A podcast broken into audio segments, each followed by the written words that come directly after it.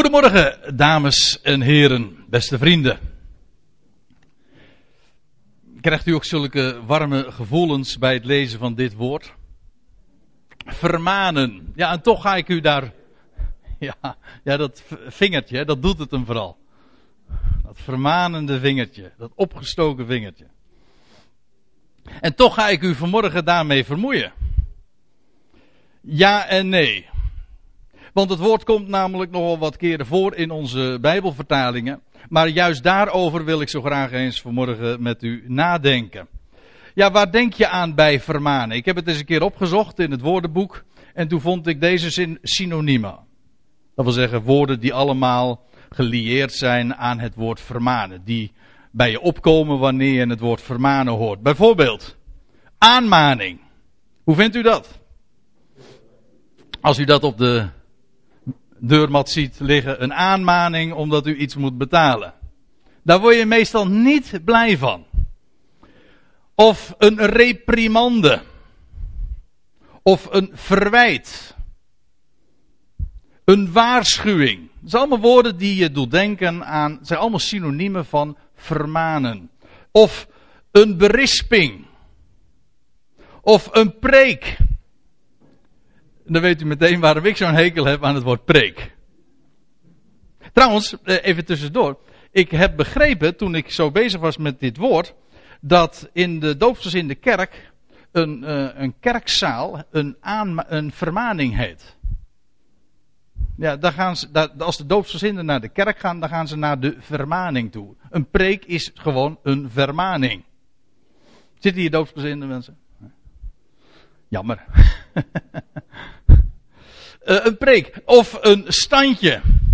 Dat, is dat zijn allemaal van die woorden die, die je doen denken aan vermanen. Of dat zijn allemaal andere woorden voor vermanen. Ik vond in het woordenboek, in de Vandalen, de Vandalen, vond ik dit bij vermanen staan. Iemand met aandrang zeggen dat hij zich moet beteren. Of bij het zelfstandig naamwoord vermaning nadrukkelijke waarschuwing dat men zich moet beteren. Nou komen we, komen we dat woord nog wel eens een keertje tegen, met name dus in het Nieuwe Testament. En ik zal u een viertal voorbeelden geven, waarbij er iets heel eigenaardigs mee aan de hand is in onze Bijbelvertalingen, zodat je sowieso al stuit op een eigenaardigheid. Dat je wel moet denken wanneer je de vertalingen vergelijkt, de NBG-vertaling en de Statenvertaling, want daartoe beperk ik me dan vanmorgen even. Als je die vertalingen met elkaar vergelijkt, dan moet je jezelf toch de vraag gaan stellen van hoe zit dat nou met dat woord vermanen? Wat betekent het nou eigenlijk? Ik begin bij 1 Thessalonica 4 en daar lezen we in vers 17. Het is de, dat, die passage die gaat over de wegrukking van de gemeente, dat ze de Heer tegemoet zullen gaan. En dan staat er zo, daarna zullen wij, levenden die achterblijven, samen met hen op de wolken in een oogwenk weggevoerd, weggerukt worden staat er eigenlijk, de Heere tegemoet in de lucht. En zo zullen wij altijd met de Heere wezen. En dan staat er in onze MBG-vertaling, vermaant elkander dus met deze woorden. Daar wordt een geweldige verwachting geschilderd en dan staat er vermaant elkaar met deze woorden. Daar struikel je over als je daar goed bij stilstaat. Je vermaant al iemand toch niet nadat je iets moois hebt gezegd. Ik vermaan mijn kinderen toch niet als ik zeg van morgen gaan we naar het pretpark toe. Nee, pas op. We gaan morgen naar het pretpark toe. Je weet het. Maar zoveel blijer word ik als ik de Statenvertaling dan lees, want dan staat in datzelfde vers 18, zo dan, vertroost elkander met deze woorden. Eigenaardig. Hè? Ik zal u nog een voorbeeld geven. 2 Korinthe 13. Daar staat in vers 11, overigens, broeders, wees blij. Laat u terechtbrengen. Laat u vermanen. Wees eensgezind, houd vrede en de God van liefde en van vrede zal met u zijn. De MBG-vertaling. Nou ga ik het voorlezen in de Statenvertaling. Er staat, Voortsbroeders, zijt blijde, wordt volmaakt, zijt getroost. Zijt eensgezind, leeft in vrede en de God van de liefde en de vrede zal met u zijn. Dus de rest van de vertaling is hetzelfde, alleen wat ouder Nederlands. Maar ziet u het verschil? Laat u vermanen of zijt getroost. Nou zou je misschien op de gedachte komen en denken dat de NBG-vertaling dus iedere keer vermanen weergeeft en de Statenvertaling vertroosten. Helaas, dat is niet zo. Want nou gaan we een derde voorbeeld geven. Want dan komen we in 2 Korinthe 8. En dan staat er in vers 16. Door Goden zij dank. Dit is de Statenvertaling dus. Hè, door Goden zij dank die dezelfde naarstigheid voor u in het hart van Titus gegeven heeft. Dat hij de vermaning heeft aangenomen. En zeer naastig zijnde gewillig tot u gereisd is.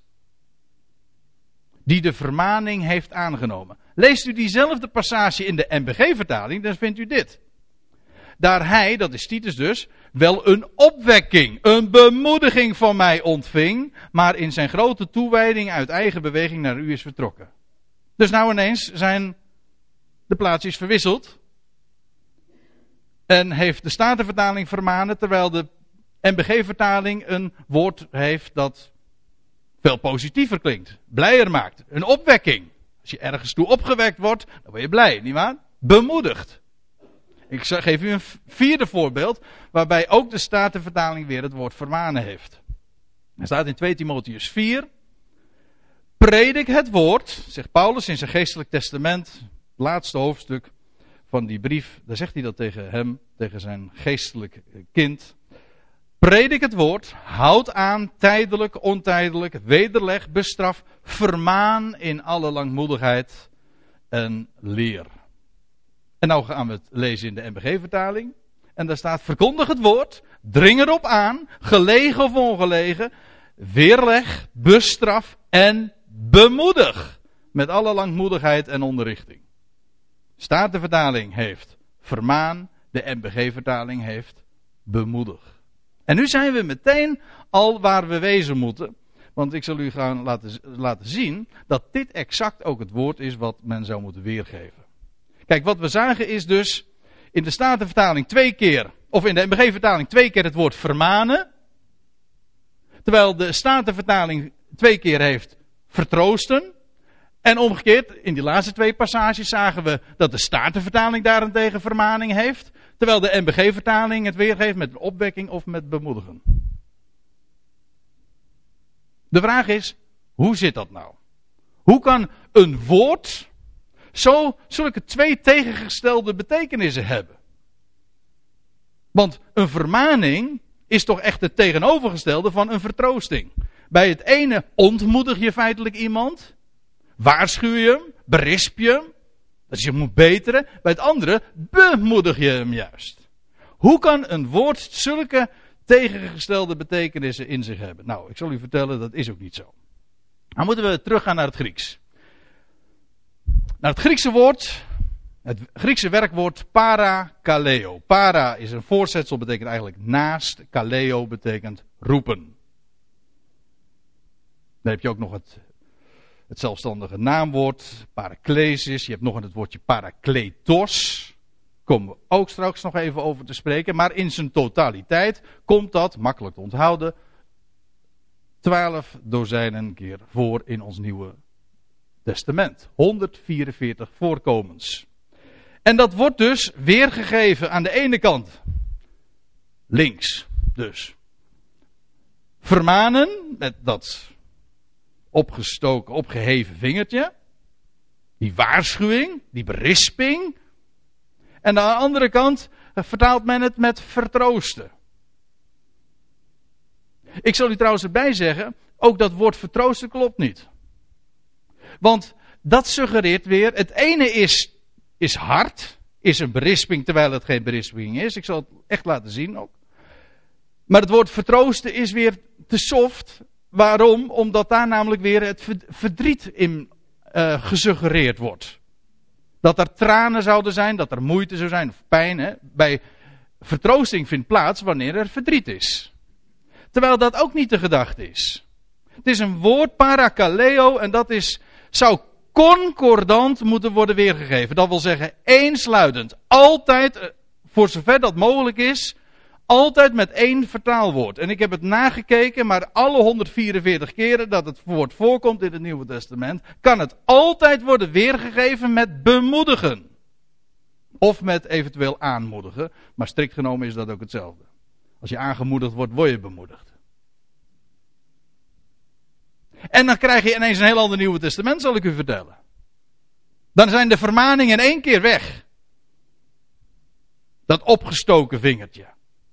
En dan krijgen ook hele passages soms een, een totaal andere kleur.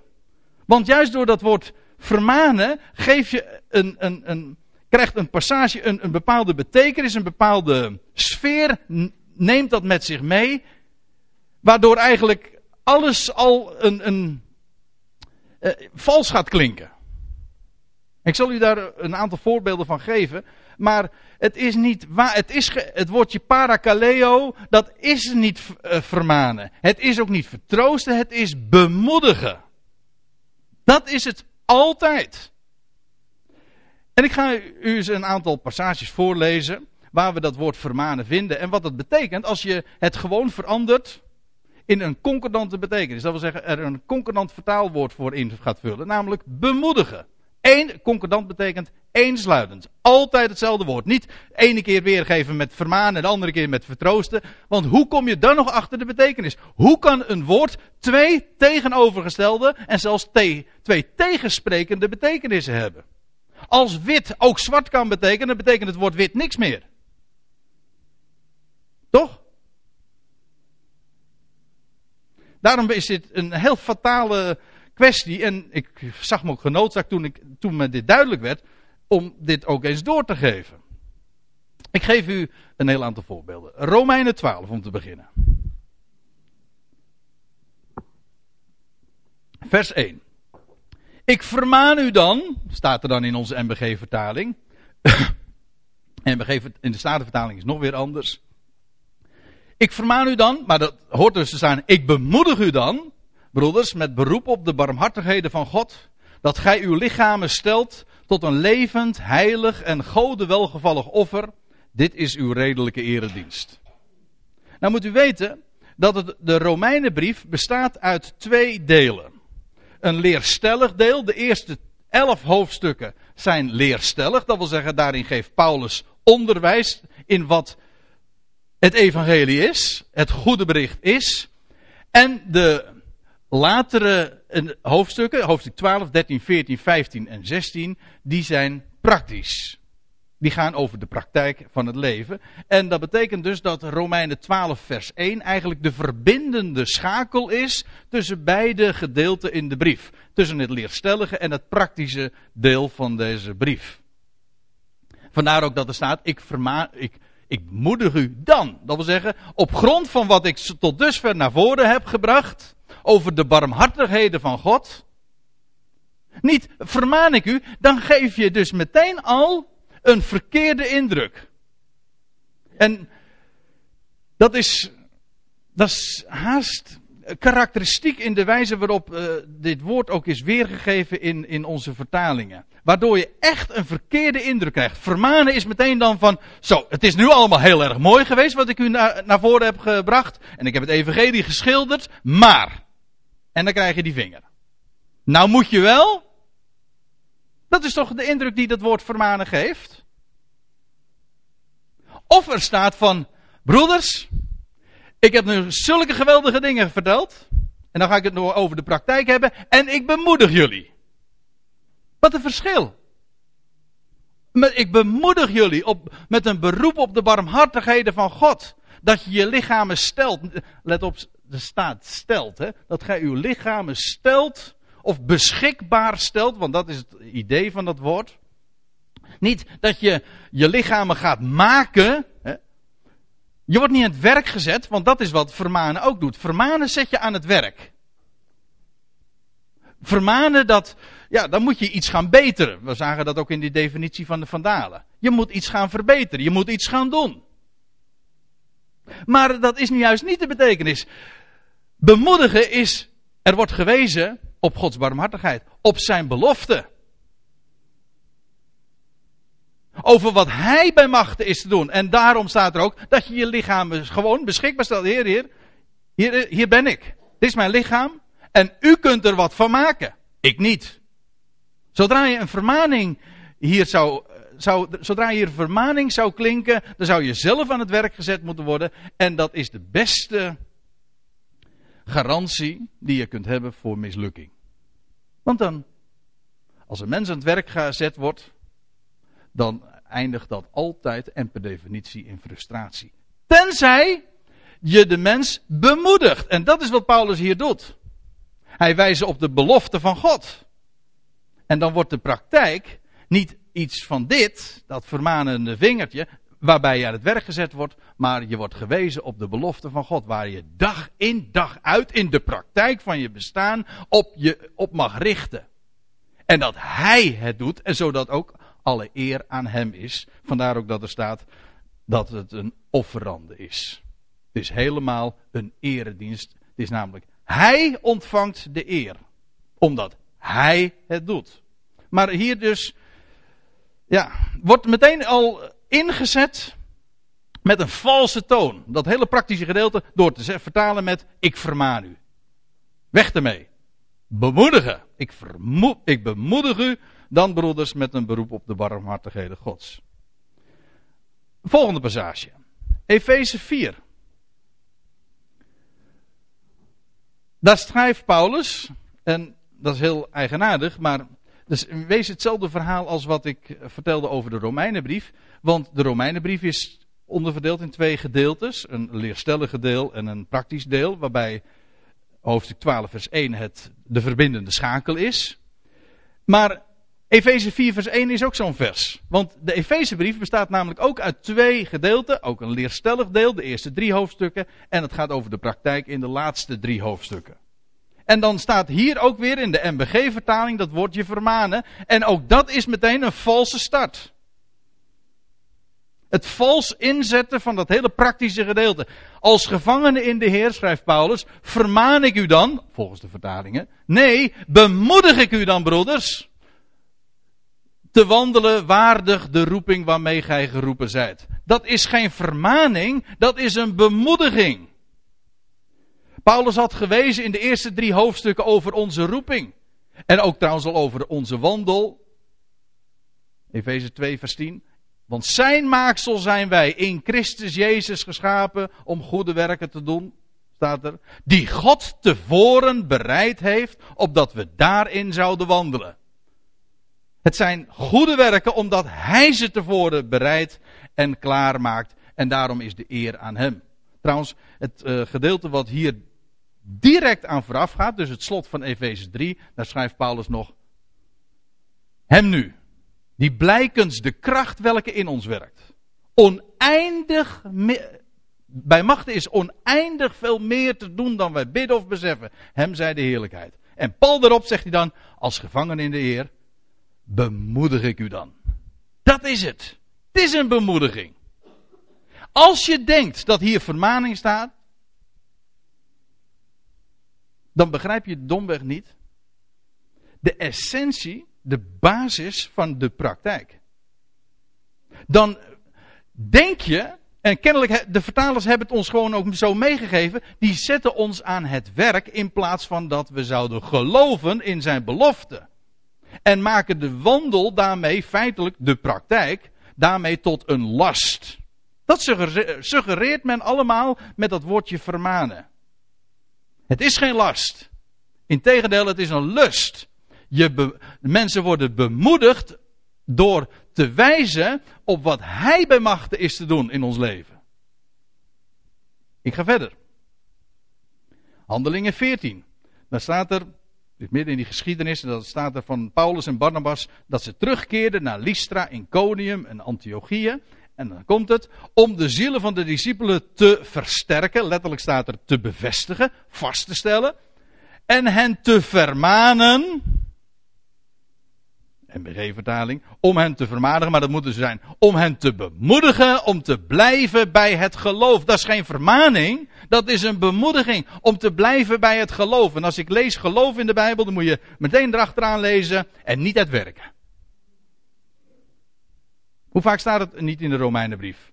Abraham werd gerechtvaardigd uit geloof, niet uit werken. Geloof staat juist tegenover werken. Kijk, als hier, als hier het woordje vermanen zou kloppen, dan, had, dan hadden ze dus inderdaad aan het werk gezet uh, geworden geweest. Hoe zeg je dat? geworden, geworden, ja.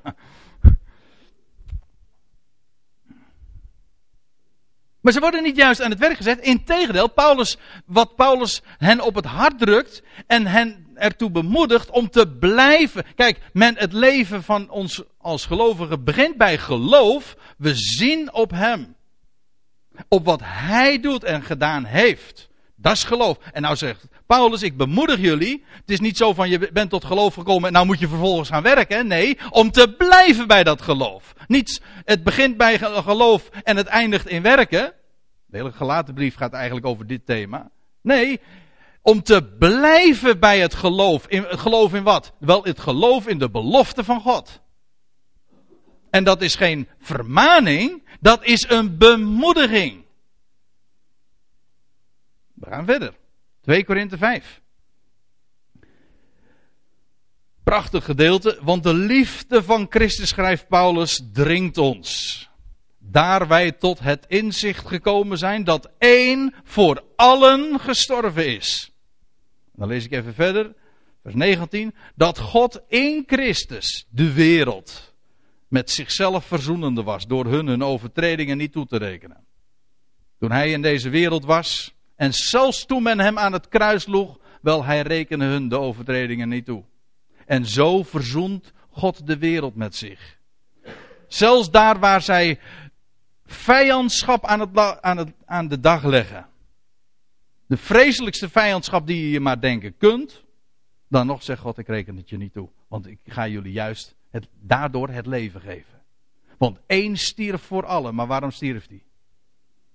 Wel, opdat hij de dood zou kunnen overwinnen. Hij stierf om de dood te kunnen overwinnen. En waarom moest hij de dood overwinnen? Opdat allen het leven zouden ontvangen. Nou, ik lees even verder. Paulus schrijft dus, en dan in vers 20, dat is de conclusie. Wij zijn dus gezanten, ambassadeurs van Christus. Alsof God door onze mond u. Ik krijg het moeilijk, eh, moeilijk meer over mijn lip hoor. Vermaande. In naam van Christus vragen wij u, laat u met God verzoenen. Een dikke rode streep er doorheen. Want ik zou haar zeggen, voor zover dat met zo'n gedeelte nog kan, maar het verpest feitelijk zo'n zo'n hele zo'n zo'n passage door het zo weer te geven. Waarom? Het is niet vermanen. Het is bemoediging. Er is juist gewezen op de heerlijkheid van de liefde van God, hè, die zichtbaar is geworden in, in Christus. Op de liefde van Christus, die dringt ons. We zijn tot het inzicht gekomen dat één stierf voor allen opdat allen het leven zouden ontvangen dat hij aan het licht bracht toen hij opstond uit de dood. En nu zeggen, en nu zijn wij gezanten. We hebben een boodschap voor de wereld. Niet dat vermanende vingertje, waar de christenen al zo bekend om staan. Heb u de laatste weken eh, het nieuws een beetje gevolgd? Als christenen in het nieuws komen, dan is het altijd om dit. Heb u die hele discussie gevolgd over die, die pornofilm die uitgezonden is? Nee? Nou, dan bent u gefeliciteerd.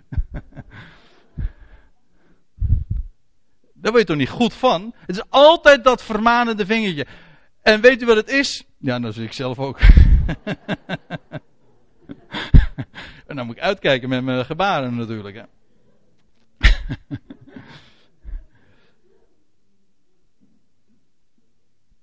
Wij hebben niet een boodschap waarbij we de wereld is de les gaan lezen, gaan moraliseren, want dat is wat het woordje uh, vermanen ook nog gaat, uh, in zich heeft. Nee, wij bemoedigen. Wij hebben een goed bericht, een blijde boodschap. Niet van wat mensen moeten doen, maar wat God gedaan heeft. En daarom bemoedigen wij de mensen zeggen van, wees verzoend, wees niet kwaad op God. Want mensen zijn vijanden van God. Hè? Mensen vertrouwen God ook niet. Ze wantrouwen God. Zo begon het al in het paradijs. Want feitelijk toen Adam en Eva van de vrucht aten, of nou in ieder geval, toen Eva van de vrucht at, waarom nam ze van die vrucht? Ze wantrouwde God. Ze, ja, ze geloofde dus wat, de, wat de slang haar ingaf. En zei van, ja, God heeft dat wel gezegd, maar hij weet. En toen nam ze van de vrucht. Dat was al wantrouwen van God. En de wereld wantrouwt God nog steeds. Ze vertrouwen hem niet.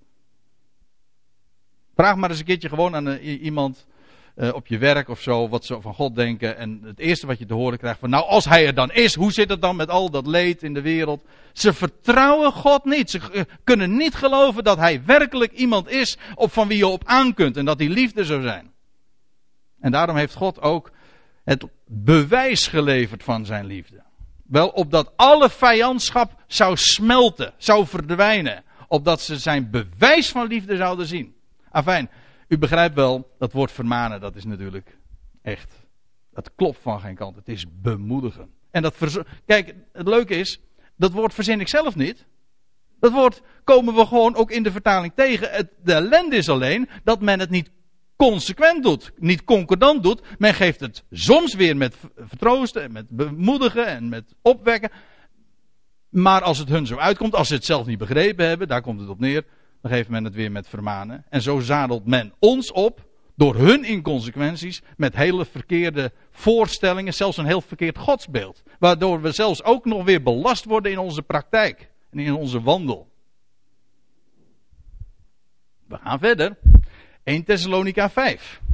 Want God heeft ons niet gesteld tot toren. Dit is diezelfde passage als waar we het begin van deze samenkomst ook al even aan refereerden. Over die wegrukking. Want God heeft ons niet gesteld tot toren, maar tot het verkrijgen van zaligheid. Dat wil zeggen van redding door onze Heer Jezus Christus. Die voor ons gestorven is, opdat wij, het zij wij waken, het zij wij slapen, tezamen met hem zouden leven. Mooie trouwens, hè? Waarom stierf de Heer Jezus voor ons? Wel, opdat wij zouden leven. Opdat hij de dood zou overwinnen en hij daardoor leven aan het licht bracht dat aan elk mens ten deel zal vallen, in ieder in zijn eigen rangorde. Toch? Nou, daar gaat het nou even niet om, maar ik wijs er alleen eventjes en passant op. vermaand. Daarom elkaar en bouwt elkaar op gelijk gij dit ook doet. Dat klopt niet, hè? Paulus heeft net zulke geweldige dingen naar voren gebracht. Heeft de verwachting voorgesteld. Als de Heere komt en wat er dan zal gebeuren. Dat hij ons niet gesteld heeft tot toren, maar tot het verkrijgen van redding. En hij zegt dan waarom hij voor ons gestorven. Opdat we zouden leven met hem. En dan staat er achter, vermaan daarom elkaar met deze woorden. Of vermaan daarom elkander. En bouwt elkaar op. Maar uh, juist dat, dat geeft op zich al aan dat het ook niet klopt. Bouwt elkaar, je bouwt elkaar op niet door te waarschuwen, niet door dat, dat opgeheven vingertje. Nee, je bouwt elkaar op door elkaar te bemoedigen op die, en te wijzen op de verwachting die we hebben. Dat is inderdaad ook de reden waarom we bij elkaar komen. Niet om elkaar te vermanen. Om, niet, wij, wij, u bent vanmorgen niet naar de vermaning toegekomen. Hè? Nee, nou, u bent naar de bemoediging toegekomen. Hopelijk tenminste. Dat is, dat is wat me voor ogen staat. Om te wijzen, en dat is ook ja, waarom we bij elkaar zijn. Waarom we elkaar ontmoeten. Hè? Daarom bemoedig elkaar, bouwt elkaar op, gelijk gij dit ook doet. Hebreeën 10, ja, dat, is wel, uh, dat ligt daar helemaal in die lijn. Hebreeën, de Hebreeënbrief, het zal u verbazen, maar die brief is geschreven aan Hebreeën. Dat wil zeggen aan Joodse mensen in Jeruzalem, vlak voordat de stad Jeruzalem met de grond gelijk gemaakt zou worden en de tempel verwoest zou worden in het jaar 70. En in dat verband staat dit vers ook. Daar ga ik nu verder niet te diep op in, het gaat mij meer om het woord vermanen. Maar in de Statenvertaling staat het, uh, staat het als volgt.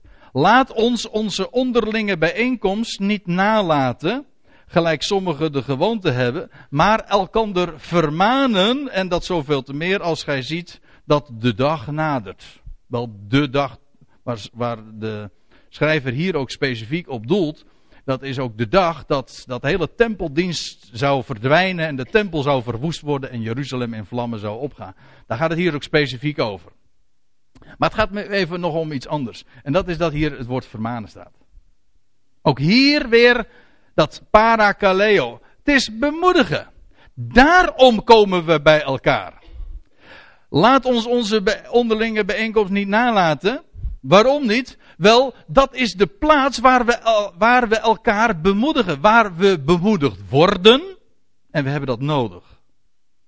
Niet eens omdat we verdrietig zijn, maar gewoon om weer aangemoedigd te worden. En gewezen te worden op de belofte van God. Niet om, we komen niet bij elkaar voor de vermaning. Ik sterker nog, ik denk dat mensen juist daardoor wegblijven.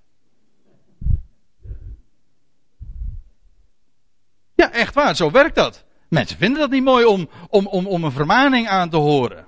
En dan krijg je ook dit, je moet de onderlinge bijeenkomst niet verzuimen. Nee, we komen bij elkaar om bemoedigd te worden. En ik heb daarom dat woordje ontmoeten er ook bij gezet. En ik hoop dat u begrijpt wat ik daarmee bedoel. We komen bij elkaar om te ontmoeten. Er moet namelijk zoveel. En wij komen juist bij elkaar om te bemoedigen, zodat die last van wat allemaal zou moeten, ons wordt afgenomen. Dat is een met recht ontmoeten.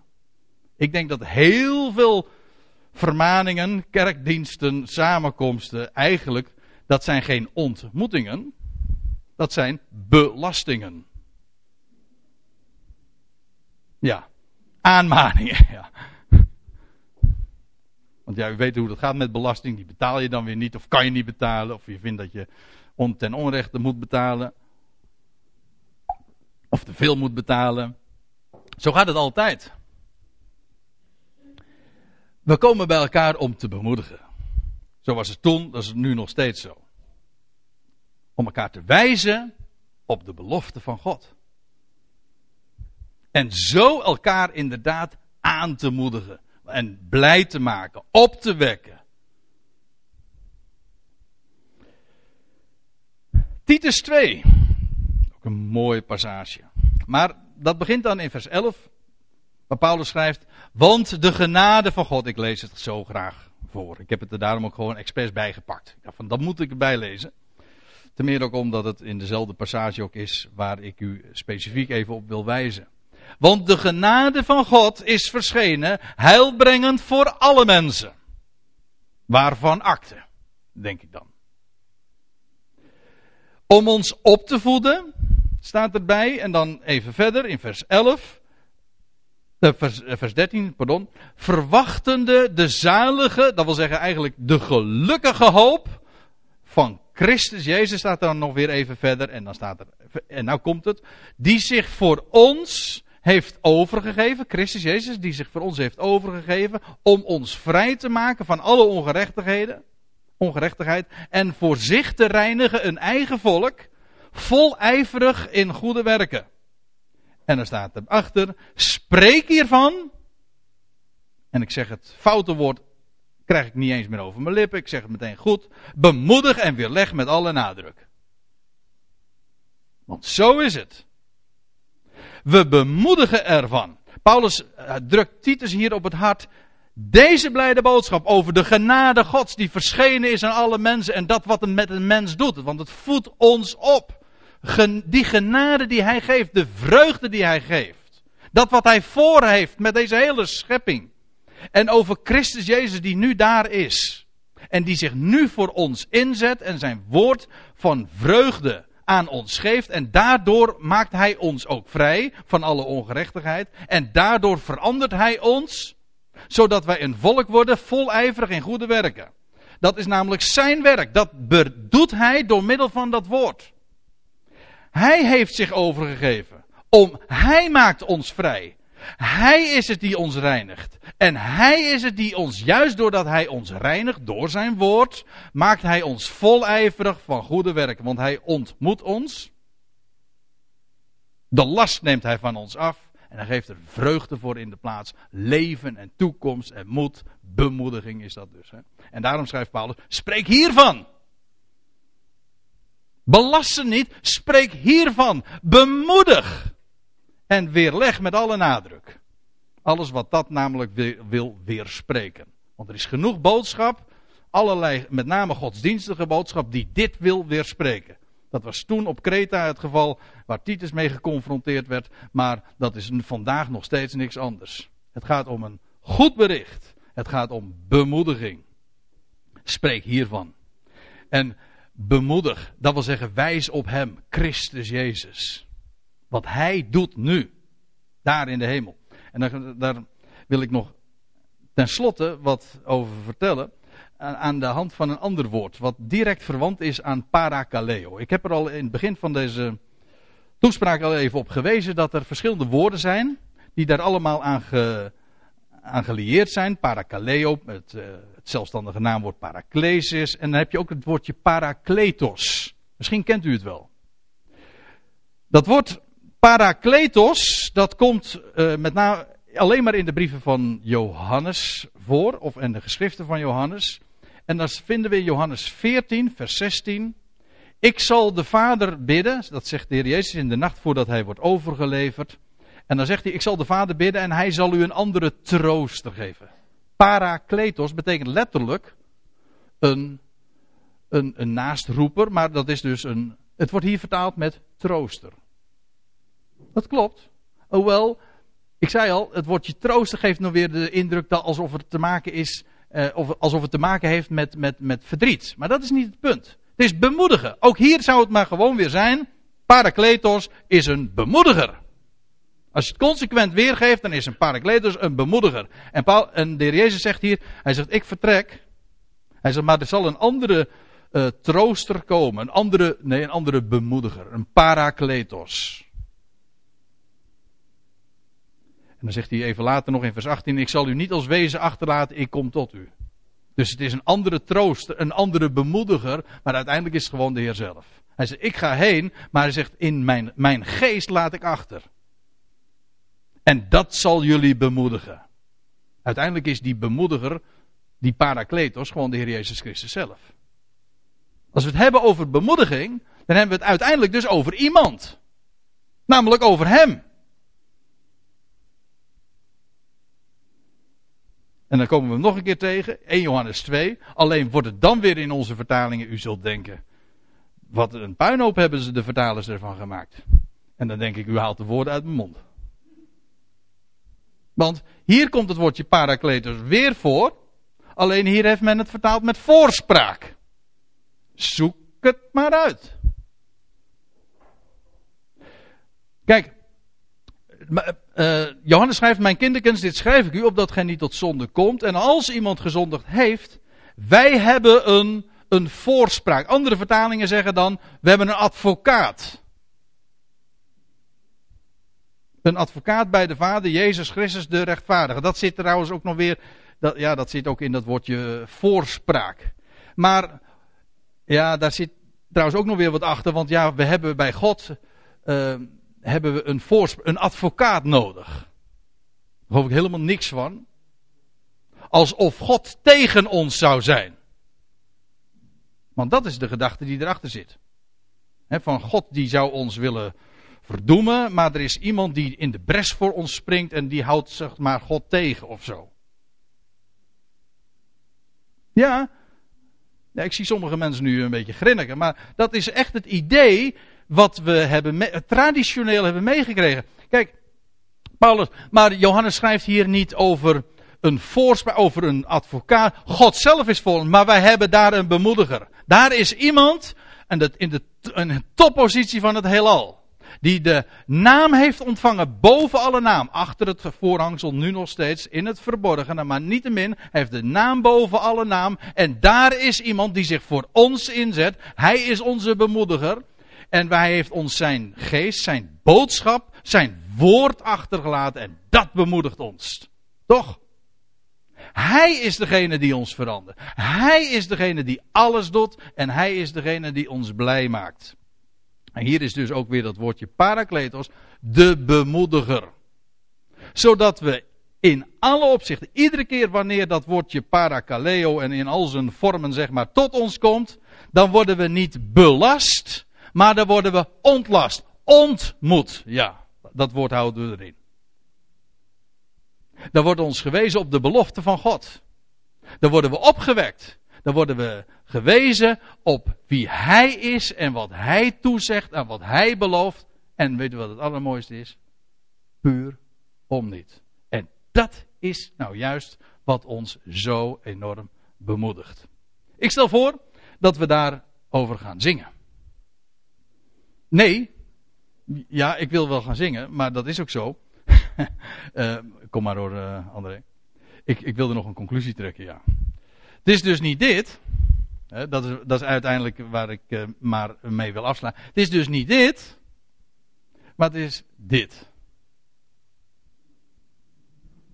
Dat, dat vingertje, dat is dus net eventjes zoveel graden gedraaid naar boven. Het is niet dit, maar het is dit. En dat bemoedigt, dit belast alleen maar. André, we gaan zingen. Dank, dank nu alle God.